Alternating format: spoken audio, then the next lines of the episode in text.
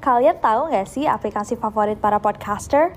Aplikasi yang jadi kunci sukses para podcaster untuk ngerekam podcast-podcast keren mereka cuma dari smartphone, namanya Anchor. Anchor ini kalau aku bisa bilang adalah all-in-one app yang simple banget. Gak heran kalau para podcaster bilang bahwa aplikasi inilah kunci kesuksesan dari podcast-podcast mereka. Di Anchor, kalian gak cuma ngerekam suara, tapi juga bisa ngedit. Mulai dari rekaman, isi lagu, efek, dan lain-lain. Yang paling aku suka adalah karena Anchor ini super fungsional. Aku bisa langsung upload podcast aku ke Spotify atau platform lain langsung dari Anchor. Kalian bisa download Anchor di smartphone kalian langsung dari App Store, Play Store, atau dari web mereka www.anchor.fm. Trust me, Anchor is your best friend to create stunning podcasts. And you know what? It's totally free. Hey guys, it's Nancy.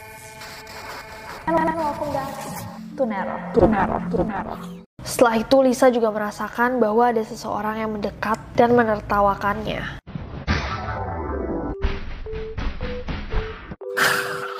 Hey guys, it's Nessie and welcome back to Neror. How are you Neroris? Selalu kerasa kayak udah lama gak ketemu, padahal baru minggu lalu. So sebelum kita masuk ke topik malam ini yang cukup spooky, creepy, dan seru, Aku mau tanya sama kalian, apakah kalian percaya bahwa di alam semesta yang sangat besar ini terdapat alam-alam yang berbeda, di mana ada makhluk-makhluk mungkin di dunia kita ini, arwah-arwah yang penasaran, mereka-mereka yang pada waktunya untuk meninggalkan bumi ini pergi dengan hati yang belum tenang, sehingga mereka masih di sini.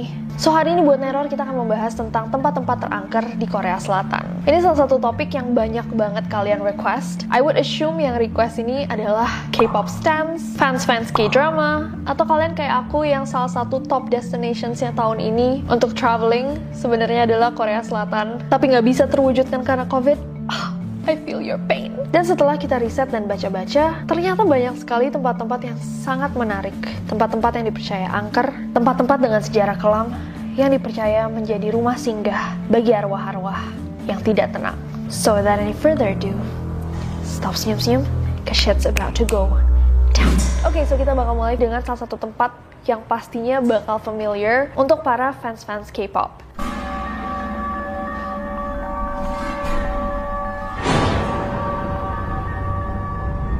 Yang pertama ini adalah salah satu asramanya YG Entertainment. Yang pertama ini emang gak punya sejarah atau cerita yang lebih elaborate daripada tempat-tempat yang kita akan bahas abis ini. Cuman ini cukup menarik karena ini berdasarkan kejadian yang dialami oleh salah satu member K-pop girl bands Blackpink. Jadi kalau misalnya kalian gak familiar sama Blackpink, Blackpink itu punya empat members. Ada Lisa, Jisoo, Rose, sama Jennie.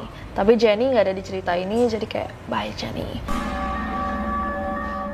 Lisa bercerita kalau dia percaya bahwa apartemen yang mereka tinggali selama asrama itu angker. Dia cerita kalau suatu hari ketika dia lagi di kamar Jisoo, dia melihat bahwa pintu kamar Rose itu terbuka sedikit. Kamar Jisoo sama kamar Rose ini memang bersebelahan. Saat Lisa lagi main HP di kamar Jisoo, Jisoo ini ke kamar mandi untuk bersih-bersih gitu. Terus Jisoo balik ke kamarnya. Nah kemudian Lisa ini melihat ada seseorang yang lewat keluar kamar Rose menuju ruang tengah dan Lisa yang berpikir bahwa itu Rose langsung manggil kayak, Hey, Rose, mau ke mana? Gitu. Rose-nya menjawab, Iya, kenapa? Nah Lisa karena dia barusan ngelihat ada Rose keluar ke arah ruang tengah, dia pun keluar untuk menonton TV. Pas dia sampai di ruang tengah, ternyata Rose tidak ada di situ. Lisa pun bingung kayak, loh kok nggak ada orang? Padahal barusan aku ngelihat ada Rose ke sini kan. Akhirnya dia panggil Rose gitu kan.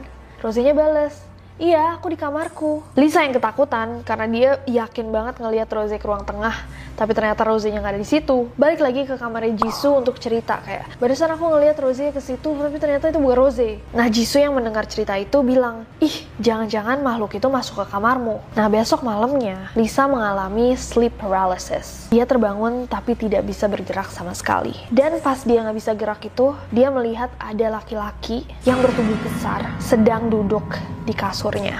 Setelah itu Lisa juga merasakan bahwa ada seseorang yang mendekat dan menertawakannya.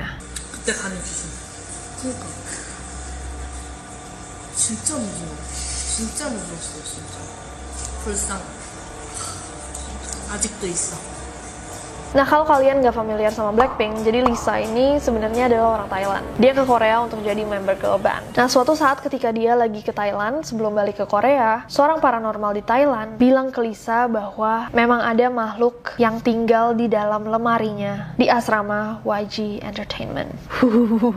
nah, ternyata ini nggak cuma terjadi sama Lisa. Lain cerita, ini juga pernah terjadi sama Jisoo. Jadi kejadian mistis yang terjadi sama Jisoo ini terjadi saat dia lagi latihan koreografi sendiri di dalam asrama itu. Asrama yang sama. Saat dia lagi ngedance sendiri kayak latihan koreografi, tiba-tiba dia melihat ada tangan pucat muncul dari lemari ruang latihan. Ngeliat itu Jisoo langsung lari keluar ketakutan. Paranormal activity lainnya terjadi sama salah satu membernya Big Bang, Top, T.O.P. Maaf, fans Big Bang kalau aku salah. Tapi pernah nih dia lagi ngobrol sama member lainnya dari Big Bang, tiba-tiba musik di kamarnya dia tuh nyala sendiri. Terus dia bingung banget kayak, loh kok tiba-tiba musiknya nyala sendiri.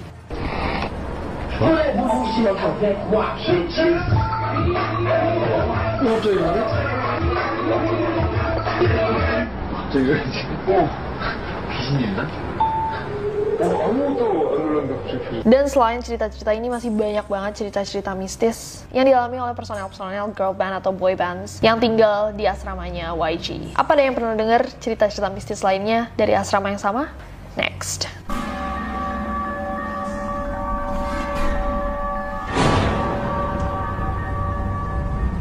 Next ada Jeju Island atau Pulau Jeju. Jeju Island ini adalah pulau terbesar di Korea Selatan yang terletak di Semenanjung, Korea. Nah, pulau ini tuh terkenal banget sama keindahannya yang orang-orang bilang tuh menyerupai surga dunia. Jutaan wisatawan mancanegara datang ke Jeju Island ini untuk melihat salah satu tempat romantis di Korea Selatan ini. Tapi ternyata di balik kehijauan, kebiruan, kecantikan, dan keromantisan pulau ini, ada kisah-kisah yang sangat kelam dan cerita-cerita mistis yang beredar. Jadi, pada tahun 1940, sekitar 10% dari populasi pulau ini dibantai habis-habisan oleh pemerintah yang pada saat itu mencoba memberantas komunisme. Korban dari pembantaian sadis ini dipercaya gentayangan dan menghantui beberapa titik di Pulau Jeju. Seperti banyak goa di Jeju yang waktu itu menjadi tempat berlindung, bahkan tempat kematian, lalu Bandara Internasional Jeju yang juga menjadi salah satu saksi bisu tragedi yang berdarah itu. Bahkan banyak yang percaya bahwa di air-air yang ada di pulau ini seperti danau, lautnya, bahkan air dalam bak mandi di Pulau Jeju ini dihantui oleh hantu Mulguishin. Mulguishin ini adalah hantu yang sering menampakkan diri dengan pakaian yang basah dan memiliki lengan yang sangat panjang. Sesekali mereka akan menampakkan kepala mereka di atas air. Dan hantu ini adalah hantu yang dipercaya menjadi penyebab orang-orang tenggelam atau hanyut di perairan, apalagi di Pulau Jeju. Gimana menurut kalian?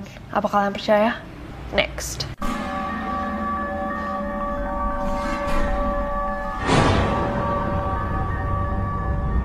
Next ada Gonjam Psychiatric Hospital atau Rumah Sakit Jiwa Gonjam.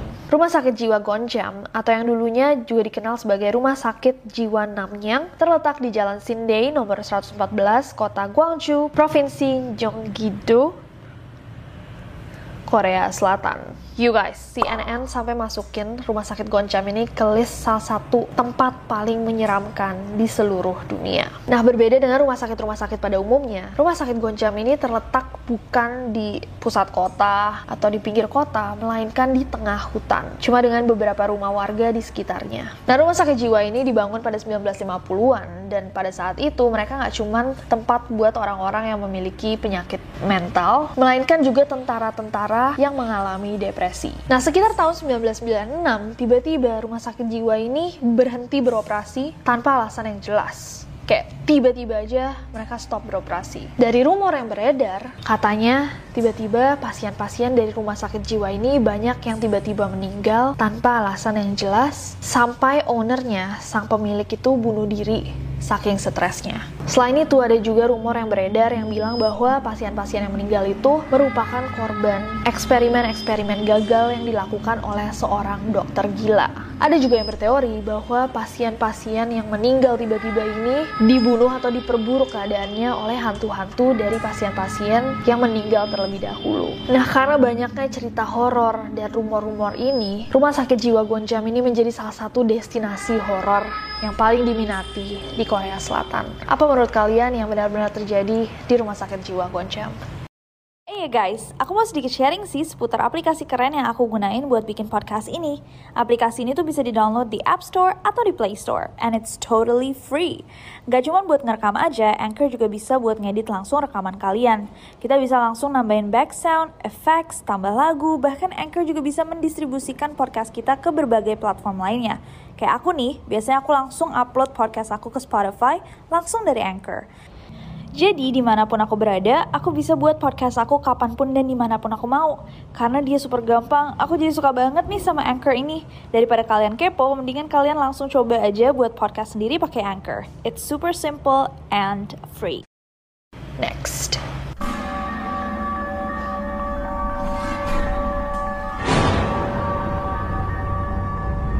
Next ada Yongmaland. Yongmaland ini adalah sebuah amusement park, taman rekreasi kayak Dufan yang terletak di sudut kota Seoul yang sudah lama sekali ditinggalkan. Nah, amusement park ini sebenarnya sempat menjadi salah satu amusement park paling besar di Korea Selatan pada tahun 1980-an. Nah, taman ini mulai terbengkalai sejak ada kejadian nih di mana seorang anak perempuan harus kehilangan nyawanya karena salah satu rides atau salah satu wahana di Yongmalan ini tidak dibangun sesuai prosedur keselamatan. Katanya, karena ketika aku mencoba riset tentang ini kayak gak ada berita legit yang ngomongin tentang kejadian ini. Jadi mungkin saja ini benar-benar kejadian yang terjadi tapi tidak diberitakan atau mungkin saja ini hanyalah urban legend. Tapi karena cerita itu, sekarang malah banyak yang mendatangi lagi Yongmalan karena penasaran dengan cerita-cerita angker yang beredar. It's very creepy, tapi mungkin itulah daya tarik tertariknya. Aku sih mau banget untuk ngeliat. Kalau kalian gimana? Yay or nay? Next.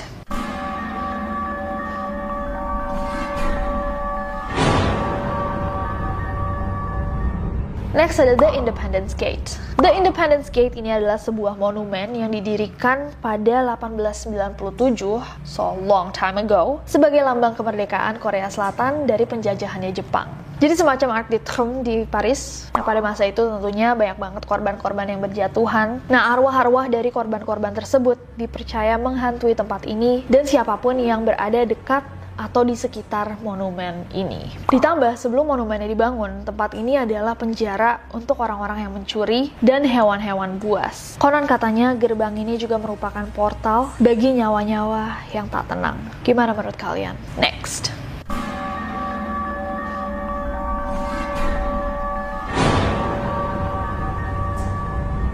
Next ada Nilbom Garden Restaurant. Nilbom Garden merupakan salah satu restoran tua yang kental banget sama cerita horornya bagi warga-warga Korea Selatan. Restoran ini sudah berdiri ratusan tahun dan diyakini sebagai salah satu sudut paling mencekam di Korea Selatan. Padahal sebenarnya view dari restoran itu bagus banget. Kalian bisa melihat pemandangan langsung lautan bebas Makanya restoran ini juga sebenarnya menjadi salah satu top destinations buat wisatawan. Tapi ternyata Nulbom Garden Restaurant ini memiliki sejarah yang cukup kelam. Pemilik asli dari restoran ini membunuh istrinya sebelum dia membunuh dirinya sendiri. Lantaran dia sedih banget pas putri satu-satunya meninggal dalam kecelakaan yang tragis. Nah sebenarnya setelah pemilik pertama ini meninggal, restoran ini sempat dibeli dan dioperasikan sama pemilik baru. Namun tak lama setelah dia beli, si pemilik baru ini juga jadi gila dan bilang bahwa dia dihantui oleh si pemilik sebelumnya. Saking si pemilik restoran kedua ini gak kuat,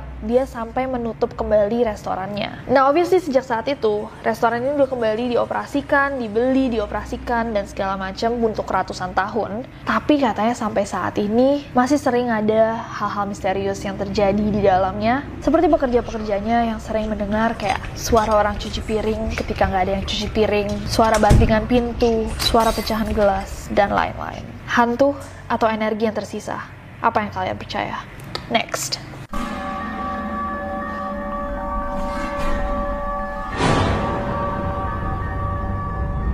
Oke okay guys, dan ini yang terakhir, ini ada rumah Yongduk. Yongduk. Yongduk. Aku merasa kayak video ini membuat banyak banget teman-teman Korea aku pas SMA kecewa Maaf guys, I tried my best. Yang terakhir ini adalah rumah Yongtok. Seperti namanya, rumah Yongtok ini terletak di lereng Bukit Yongtok Provinsi Gyeongsang Utara, sekitar 4 jam perjalanan dari Seoul. Rumah ini sudah dibiarkan kosong sejak 1900-an. Seperti rumah pada umumnya. Awalnya rumah ini tuh ditinggalin sama sebuah keluarga, namun semua anggota dari keluarga ini meninggal dengan cara-cara yang tidak wajar. Ada versi lain yang menceritakan bahwa yang dulu tinggal di rumah ini tuh adalah seorang wanita yang akhirnya memutuskan untuk mengakhiri hidupnya sendiri. Ada juga yang bilang bahwa rumah ini tuh dulunya adalah sebuah restoran yang pemandangan yang sangat indah, namun pemiliknya kecelakaan lalu lintas. Gak tahu cerita aslinya yang mana, yang jelas rumah ini tuh memiliki kayak energi yang sangat-sangat mistis dan hawa yang sangat-sangat kayak abnormal. Rumah ini berkali-kali dibeli orang untuk ditinggali atau untuk dibuat bisnis. Tapi tidak ada orang yang bisa betah di rumah ini dan semua bisnis dan usaha yang pernah dicoba di dalam rumah ini semuanya gagal, semuanya bangkrut. Konon katanya rumah ini tuh dihantui oleh 700 tentara yang dulunya disiksa dan dibunuh saat bertempur di Battle of Incheon. Tentara-tentara tersebut tewas dan jasadnya dibiarkan terpendam di bawah bangunan rumah Yongtuk ini. Makanya siapa pun yang menempati atau memasuki daerah rumah ini akan selalu ditemani. Kalau kita berani, kita akan sering mendengar suara-suara tangisan misterius atau bahkan suara-suara teriakan orang-orang yang meminta pertolongan. So, aku mau dengar dari kalian. Setelah corona hilang dan kita bisa lagi traveling, mana dari tempat-tempat yang kita bahas malam ini yang kalian masukin bucket list? Adakah dari tempat-tempat yang kita bahas malam ini yang pernah kalian datangi dan please ceritain ke kita apa yang kalian rasakan ketika kalian di sana? Adakah energi-energi supranatural yang kalian rasakan? Adakah pengalaman-pengalaman yang mungkin extraordinary